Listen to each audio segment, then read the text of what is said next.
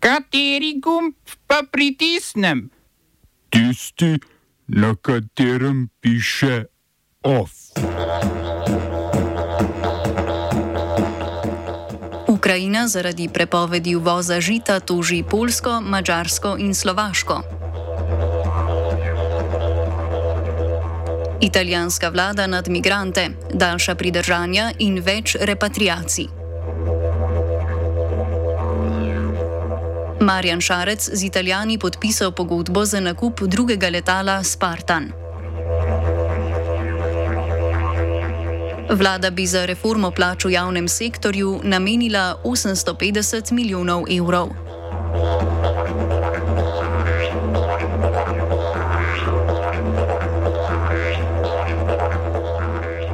Azerbajdžanska vojska je v Gorskem Karabahu pričela novo operacijo proti armenskim silam. Po besedah obramnega ministerstva gre za protiteroristično operacijo. V prejšnjih dneh naj bi namreč po navedbah azerbajdžanskega zunanjega ministerstva zaradi armenskih min umrlo vsaj šest državljanov Azerbajdžana. Na ministrstvu za obrambo tr trdijo, da ciljajo le vojaške tarče in da so vzpostavili humanitarni koridor za evakuacijo civilistov. Namen operacije je po navedbah ministerstva iz regije spoditi armenske vojake. Armensko obramno ministrstvo pa trdi, da v Gorskem Karabahu nima vojaškega osebja ali materijala. Armensko zunanje ministrstvo je ruske mirovne sile, ki patrulirajo po regiji, pozvalo naj ustavijo azerbajdžansko nasilje nad lokalnim prebivalstvom. Gorski Karabah po mednarodnem pravu pripada Azerbajdžanu, a se za nadzor nad območjem državi borita od razpada Sovjetske zveze. V zadnji večji vojni konec leta 2020 je zmagal Azerbajdžan.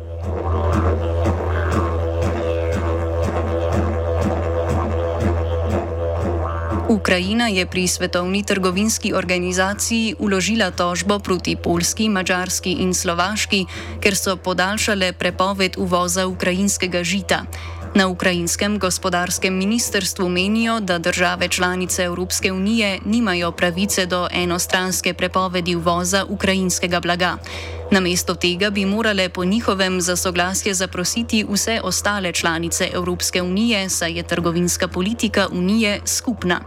Državam, ki so enostransko podaljšale prepoved uvoza, ko se je iztekla evropska prepoved, tako očitajo kršenje mednarodnih obveznosti do Ukrajine. Pritožbeni organ Svetovne trgovinske organizacije, v praksi vrhovno razsodišče organizacije, je zaradi blokade Združenih držav Amerike od leta 2020 nedelujoč. Organ sodi o dveh tretjinah vseh tožb po organizaciji, zato je skupina držav, med drugim vse članice Evropske unije in Ukrajina, ustanovila neuradno alternativo tako imenovani večstrankarski začasni pritožbeni režim, zdaj ob privoljenju vseh vključenih strani sodi v primerih, ko bi tožbo moral obravnavati uradni pritožbeni organ.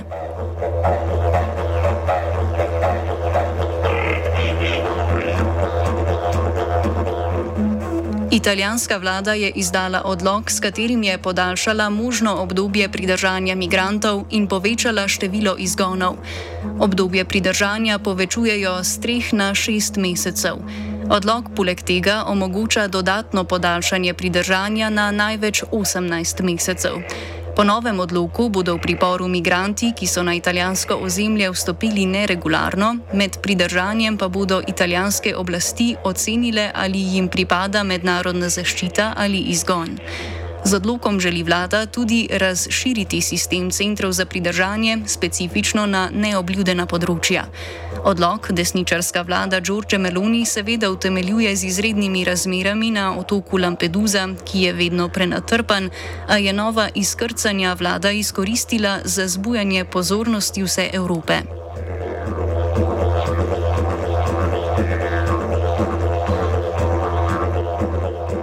Združene države Amerike so z Iranom izvedle izmenjavo zapornikov.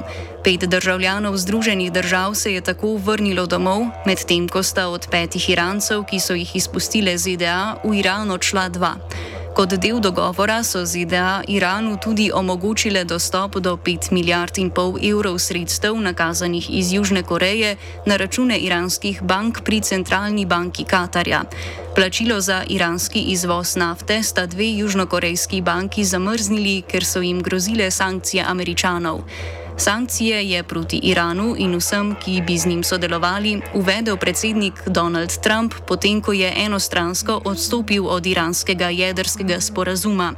Američani trdijo, da bodo denar iz katarske banke Iranci lahko porabili le za humanitarno pomoč, oziroma bo Iranu humanitarno pomoč dostavil Katar. Ameriški republikanci nakazilo kritizirajo, saj ga vidijo kot odkupnino, ki bo Iran spodbudila, da zadrži več ameriških državljanov.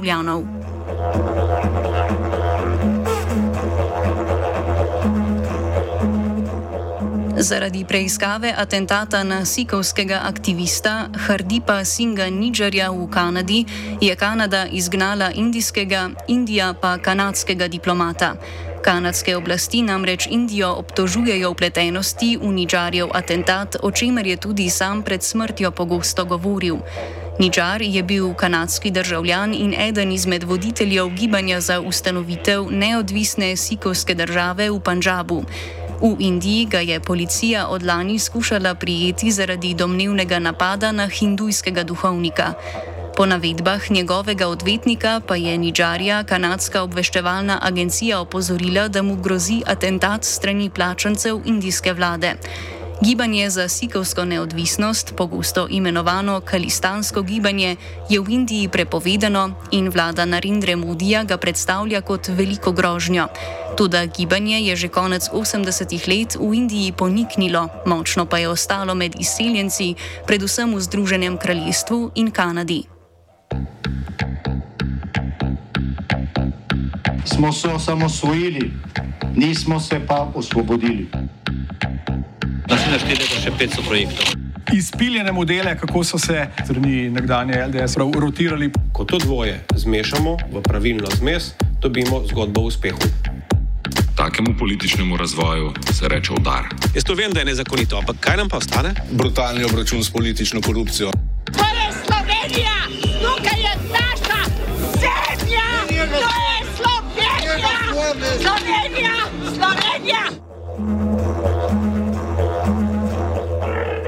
Ministr za obrambo Marjan Šarec je z italijanskim kolegom Guidom Krusetom podpisal pogodbo za nakup drugega transportnega letala Spartan.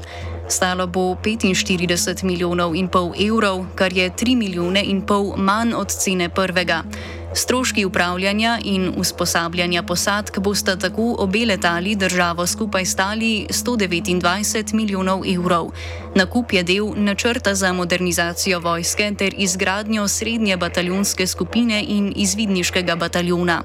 V okviru tega bo država nakupila še šest helikopterjev, sistem protizračne obrambe in 106 oklepnikov, skupaj v vrednosti 1,2 milijarde evrov. Slovenska vojska se je za pomoč v poplavah skozi obdobje treh let velikodušno odpovedala 215 milijonom evrov iz proračuna, a projektov za modernizacijo ne nameravajo ustaviti.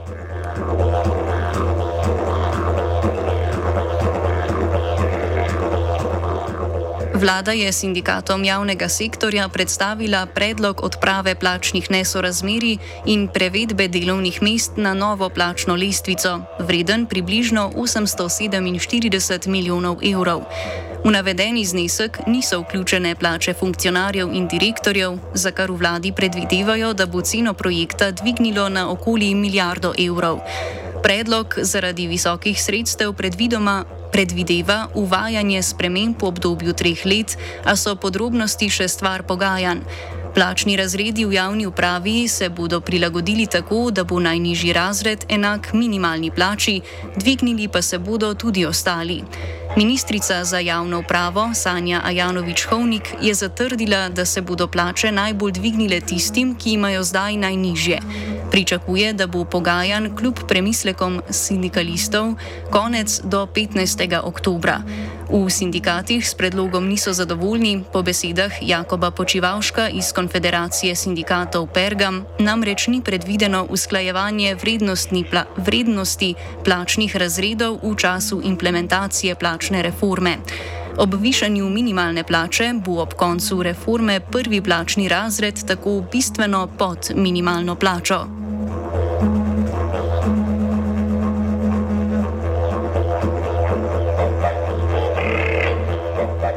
OF je pripravil Luka.